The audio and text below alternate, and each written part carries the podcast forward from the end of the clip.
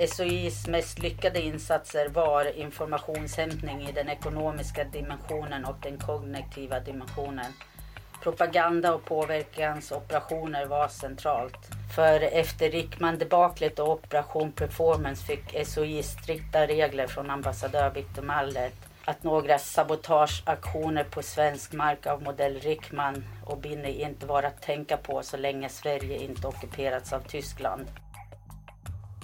Brittiska Special Operations Executive bildades 1940 med spionage, sabotage och allmän underrättelseverksamhet som huvudmål.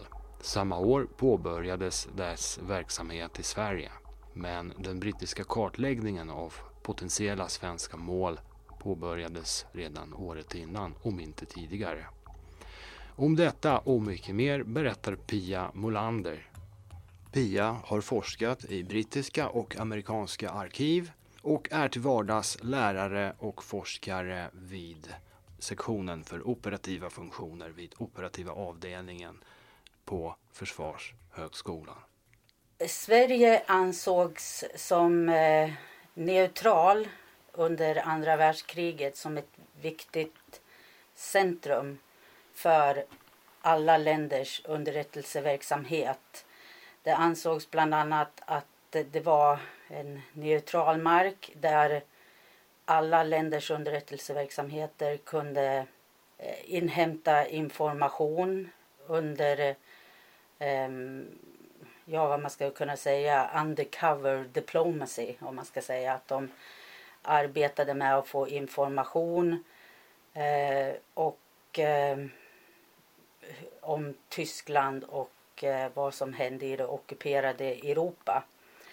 I, mot slutet av kriget så var nästan alla länder i Stockholm. Det var Japan, Sovjet, USA, Tyskland, eh, baltiska och nästan alla legationer och ambassader var inblandade i någon slags form av underrättelseverksamhet i Stockholm.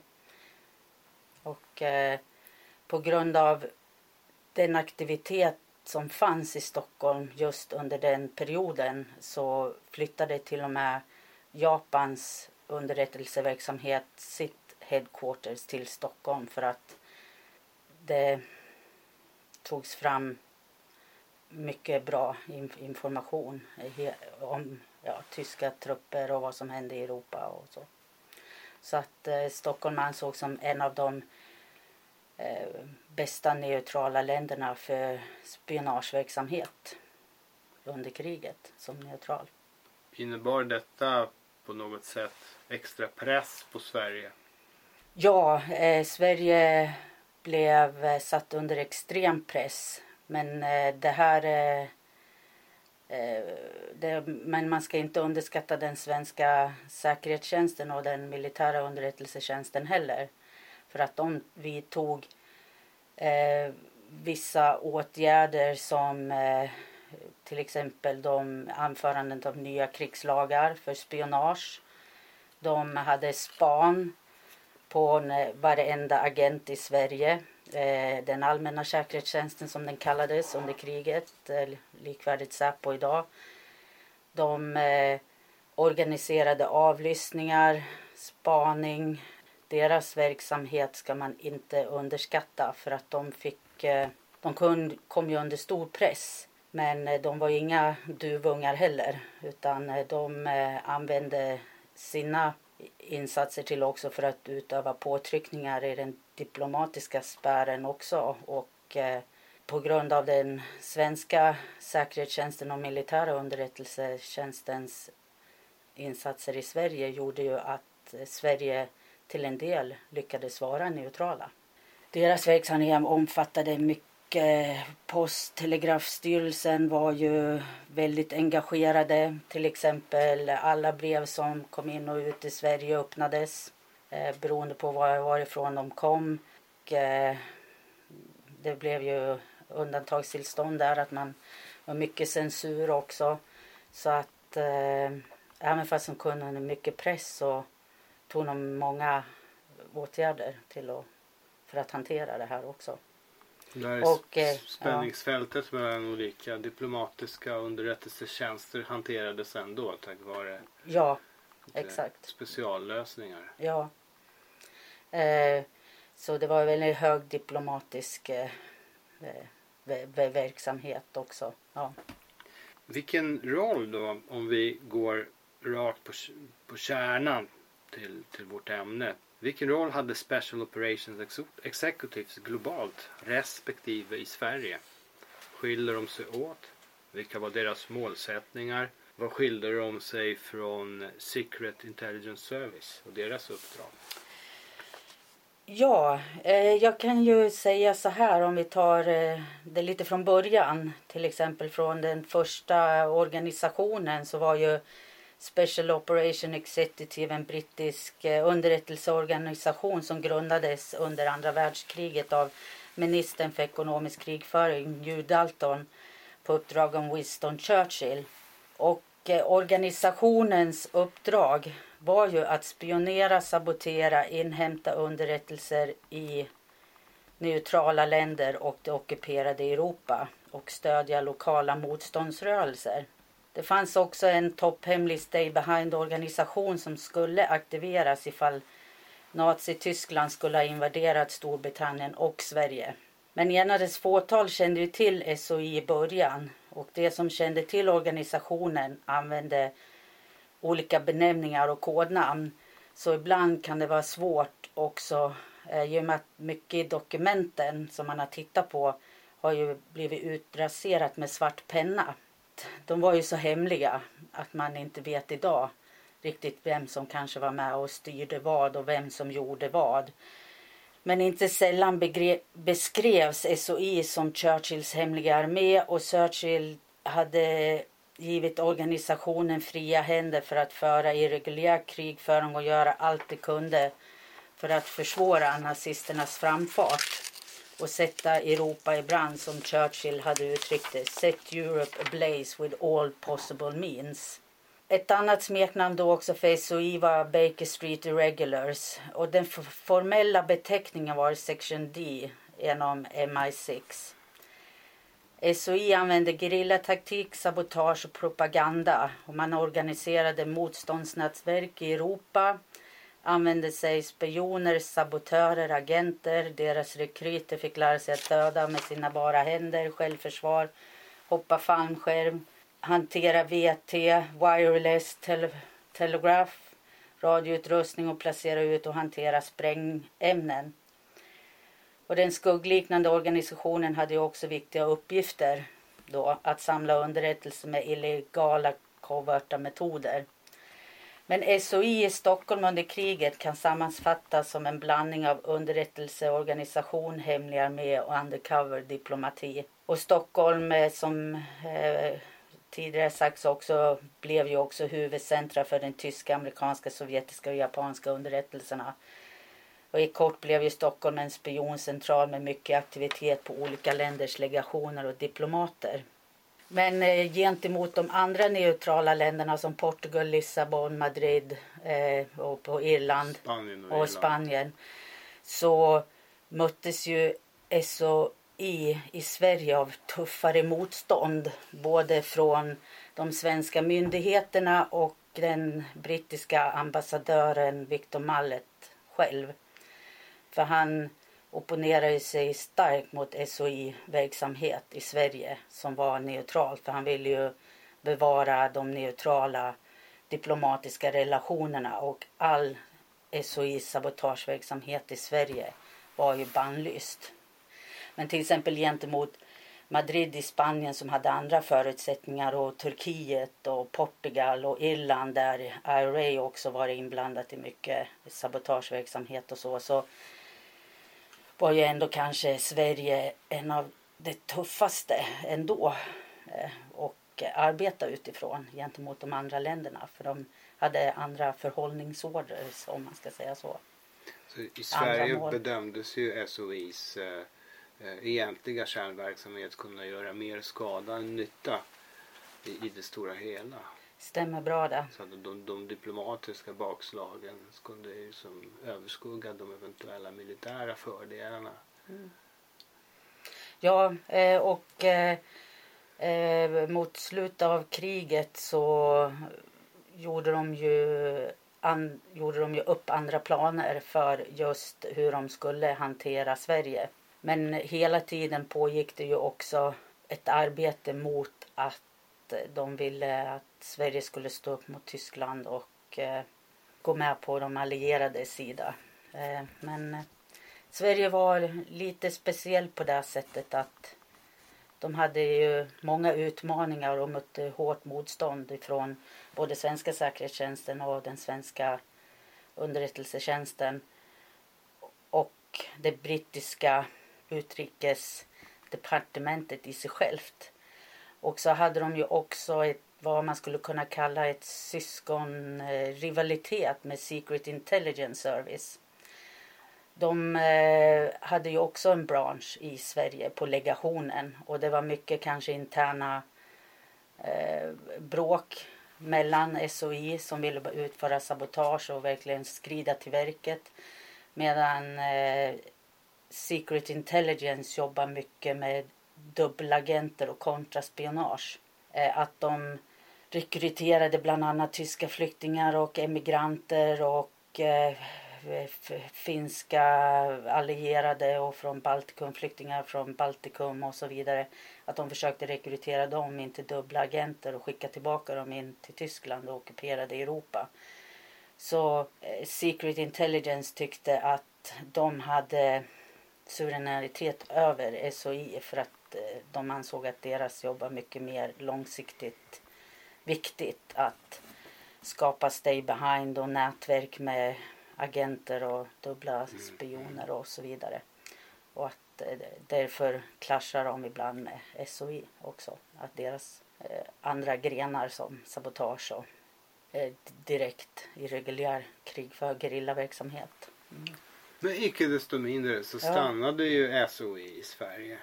Ja. Och man skulle kunna dela deras verksamhet in i tre huvudsakliga faser. Mm. Man, om man, man läser din artikel så kan man dra den slutsatsen. Det vill säga det är egentligen från tidigt 39 när man börjar kartlägga mm.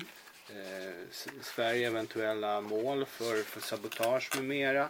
Och där varar ungefär fram till eh, invasionen av eh, Norge och Danmark. Varpå då man eh, byter något fot och eh, man oroar sig för att Sverige själv blir invaderat. Och sen när invasionshotet anses vara över 1943 så tar det ytterligare en viss vändning. Kan du berätta lite mer om det? Ja, eh, om man får gå tillbaka lite i tiden då hur det utvecklades då var ju att det är går tillbaka så långt som redan 39 då brittiska agenter skickades till Sverige för att kartlägga Sveriges infrastruktur, hamnar, järnmalmsfält och stålindustrin. Men efter den tyska invasionen av Norge och Danmark kom ju chefen för SOI Skandinavien och Sverige, Sir Charles Hambro, till Stockholm då för att inrätta en SOI-avdelning genom den brittiska legationen. Huvuduppgiften då för SOIs svenska avdelning var ju att förbereda och understödja motståndsrörelserna med vapenmaterial och tränade agenter för att skapa kontaktnät och identifiera andra underrättelsenätverk. Det var väl en av deras första mål 1939 när det var som mest akut eh, också för en tysk invasion av eh, Sverige. Och eh, här kan man ju också gå tillbaka då eh, till 1939 när man kan börja se en distinkt skillnad mellan Secret Intelligence Service och SOI var ju att eh, SOI fokuserar ju på att undanröja tyska underrättelseoperationer genom kontraspionage och samla information om tyska intentioner och planering i Sverige, för Sverige och den omgivande hela Skandinavien. Och infiltrerade tyska underrättelsetjänster genom att använda ja, kontraspionage och dubbla agenter som var villiga att utföra det här. Men eh, de delades ju också in i olika sektioner och underrättelseområden med specifika måltavlor också. Så det, man kan ju säga att det fanns tre, fyra olika branscher genom SOI också på legationen som arbetade med kommunikationsinfrastruktur, tågstationer, radio och tv. Och eh, Operationer var ju planerade för att störa den tyska transiteringstrafiken och transporter till och från Norge, Narvik, Finland och Sveriges centrala vapenproduktion i Bofors. Um, andra centrala operationer var ju också att distribuera propaganda genom Sverige, Skandinavien och in till ockuperade Europa. Eh, grandiösa planer togs fram eh, för vilseledning, både svartvit propaganda, påverkansoperationer utfördes genom till exempel kontakter genom media.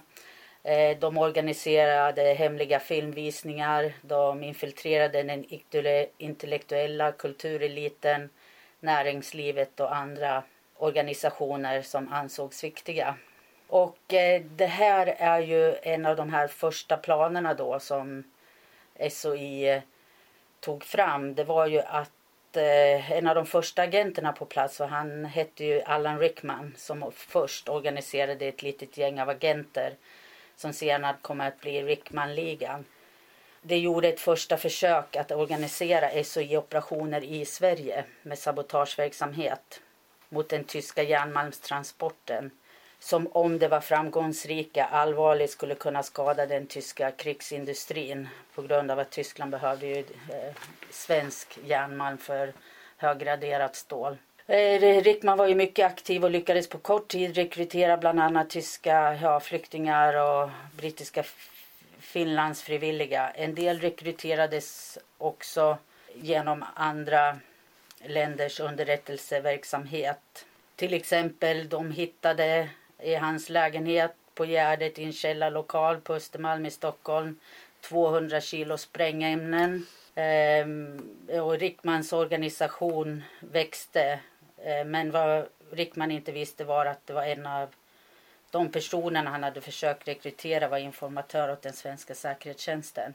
Så i april 1940 slog den svenska polisen till mot Rickmanligan och de uppgifter som framkom under rättegången mot ligans medlemmar kom ju att chocka den svenska befolkningen. Och ambassadören Victor Mallet gick ju i taket. För det här var ju verkligen ett första försök att eh, förstöra relationerna med Sverige som han hade redan försökt bygga upp. Och i följden av Rickman-affären kom ju då eh, fängelsestraff för Rickman eh, som varade fram till krigets slut. Men även om SOIs första insats i Sverige var till del misslyckad så hade ändå ett nätverk av motståndsrörelser blivit organiserat. Och eh, andra SOI-aktiviteter då 1940, det är viktigt att lyfta fram det här för det var just det här som kom i kollisions kurs med Victor Mallet och det brittiska utrikesdepartementet för senare planering för långsiktiga direktiv var ju att det var alla de här olika attentaterna som de försökte mot Oxelösunds hamn och eh, andra små sabotageverksamheter. Eh, planerades också som ett resultat av den tyska blockaden i Skagerrak och Baltic Sea som exempel Operation Rubble vilket involverade norska båtar. Det var när man förde ut eh, krigsmateriel? Och... Ja, som skulle till England då eller de försökte få ut som England desperat behövde då 1940. Eh, just den här operationen Rubble var att båtarna lyckades ta sig igenom blockaden och var med en av de mer lyckade operationerna för SOI i Sverige i början. Uppföljning av denna operation gjordes genom Operation Cabaret Bridford och en mer välkänd Operation Performance som under 1942 genomfördes av George Binney en SOI-agent som representerade brittiska Ministry of Supplies vid legationen i Stockholm. Men Operation Performance, vilket syftade till att få ut tio norska kvarstadsfartyg med last från Göteborg till Storbritannien. Lasten var, ansågs vara viktig för den brittiska vapenproduktionen. Bland annat ingick stora mängder kullager från SKF samt maskiner för framställning av dessa. Sådana material var bristvaror såklart i Storbritannien. Och frågan om att släppa fartygen förhalades genom att regeringen lät frågan bli en domstolsfråga. Därför blev det 31 maj 1942 som efter att kvarstaden hävts av Högsta domstolen ett utbrytningsförsök kunde ske. Men resultatet av den här operationen blev en katastrof. Av de tio fartygen sänktes sex av den tyska flottan. Två kom fram. Dicte och Lionel återvände till Göteborgs hamn. Där framkom att beväpning av brittisk militär hade smugglats in i Göteborg på fartygen av Binny. Och när operationen uppdagades skulle Binnis utvisas. Men eh, det var en, egentligen en katastrofal följd för SOIs verksamhet. För efter Rickman-debaklet och Operation Performance fick SOI strikta regler från ambassadör Victor Mallet att några sabotageaktioner på svensk mark av modell Rickman och Binny inte var att tänka på så länge Sverige inte ockuperats av Tyskland. Det här blev som en internt utnötningskrig med Victor Mallet för att kunna få operera på Sveriges mark och försöka sabotera så mycket man kunde. Så slitningar mellan SOI Ja, i Sverige och ambassadören? Ja. Den brittiska ambassadören. ja. Eh, Och det är han som går segrande ur den här dragkampen? Det, det, det är det. I slutändan som blev det övergripande brittiska strategin för Sverige var att eh, de ville mot slutet av kriget hålla Sverige neutralt så att de kunde operera egentligen på neutral mark och hålla alla kanaler öppna mot ockuperade Europa. Det, det är värt att eh, titta på de här operationerna, det som gjorde också att det blev eh, friktioner med brittiska Foreign Office. Så. Ja. Efter eh, den här operationen i maj 42 så Mm. överger man det här sättet. Så Nej, jag skulle inte säga att man överger det sättet utan SOI efter 1942 så kommer ju amerikanerna in på banan eh, med deras OSSS. Och de satte ju upp eh, baser längs hela svensk-norska gränsen som hette Seapals. Och där eh, samverkade SOI direkt med OSSS för sabotageverksamhet mot tyska trupper och transiteringstrafik och eh, annat som kunde stoppa tyskarnas framfart. Så att det blev mer att SOI började verka med eh, Office for Strategic Services Special Operations Branch på de här baserna. Att de direkt med amerikanerna och höll lägre profil de här sista åren i kriget. Det vill säga 43 till 45. Ja, jag skulle vilja säga att mot slutet av kriget så, var, så skiftade sig ju krigsmålen lite grann också. Att amerikanerna tyckte ju också att det var vikt av att hålla Sverige neutralt. Eh, eh, den amerikanska ambassadören Herschel Johnson ville ju också att eh, Sverige skulle vara neutralt. Det skulle gynna eh, amerikanerna på ett bättre sätt. Men han tyckte inte heller om OSSS verksamhet. Han kallar dem ju outright scoundrels. Men att eh, det i slutet också att eh, det blev ju helt nya mål när policydirektiv var skrivna på att man skulle övervaka den sovjetiska frammarschen på ett helt annat sätt och den sovjetiska underrättelsetjänsten också. Vilket då för oss egentligen in på kalla krigets början. Ja, mm, ja. och eh, på grund av Sveriges eh, strategiska plats i norra sfären, i norra Europa, så blev ju såklart Sverige för ett naturligt skäl en viktig strategisk plats för alla länder. Men om- om vi tittar samlat på de här åren Mm. Då SOI är verksamma i Sverige. Jag kanske rent av tittar på hela den brittiska verksamheten i Sverige. Även med Secret Intelligence Service. Mm. Eh, vad får britterna ut utav det? Om man summerar de här åren 39 till 45.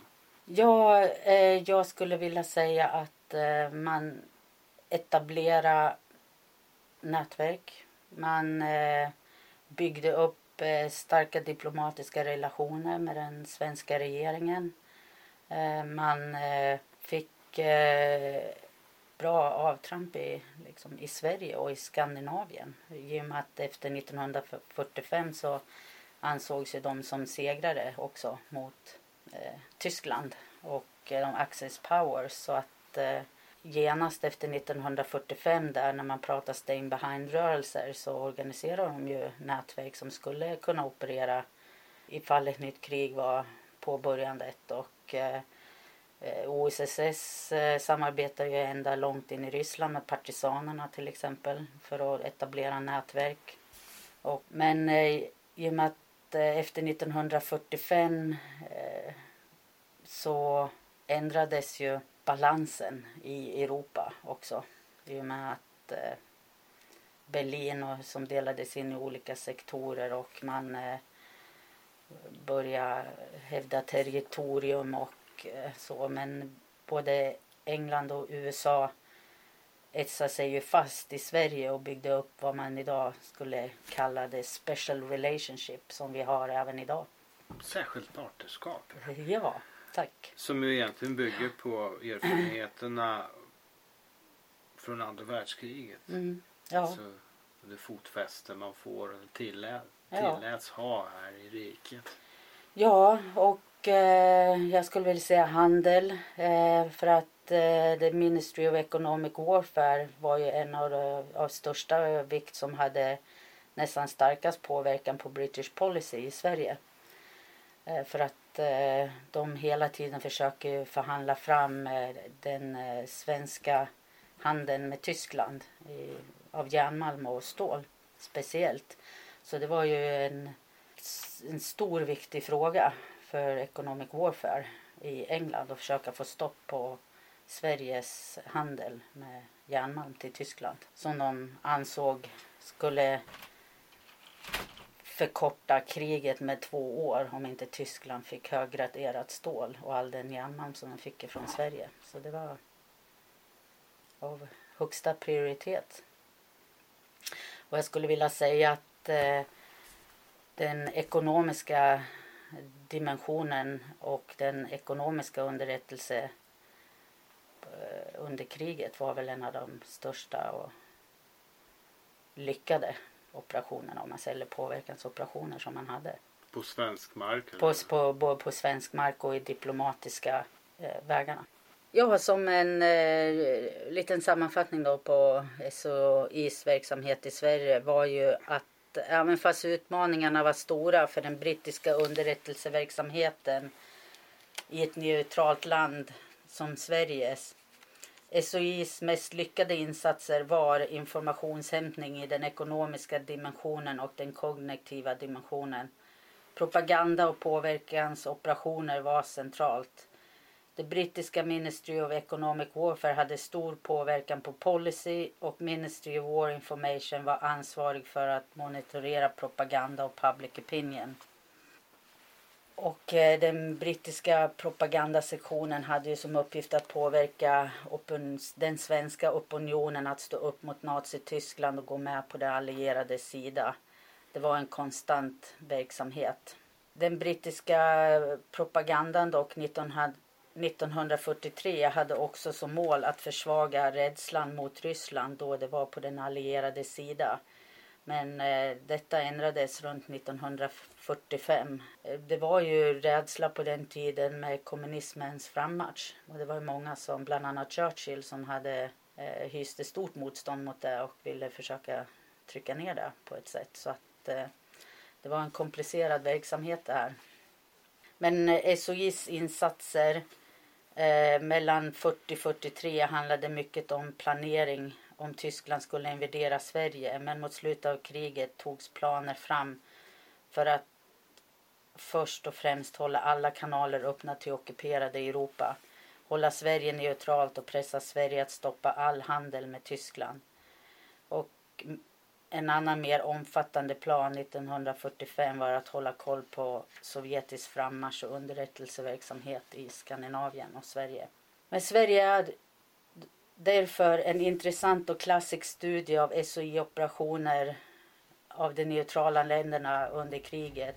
Sverige står ut. För SOI hade hårdare förhållningsregler för sabotage och dylika verksamheter. Men det stoppar dem ju inte förstås från att planera och utöva operationer mot tyska trupper, inhämta underrättelse och utöva covert operations. Vi tackar Pia för hennes insats. Och ni som inte fick nog av själva podcasten och vill veta mer kan ju dyka i Pias artikel i Intelligence and National Security med titeln Intelligence, Diplomacy and the Swedish Dilemma The Special Operations Executive in Neutral Sweden 1939 45 som utkom 2007. Jag tackar för denna gång. Jag heter Piotr Vavzjenjuk och jobbar vid militärhistoriska sektionen på Försvarshögskolan. Vår nästa podcast kommer att handla om svenska jägarförband, närmast sagt kustjägare och fallskärmsjägare. På återhörande.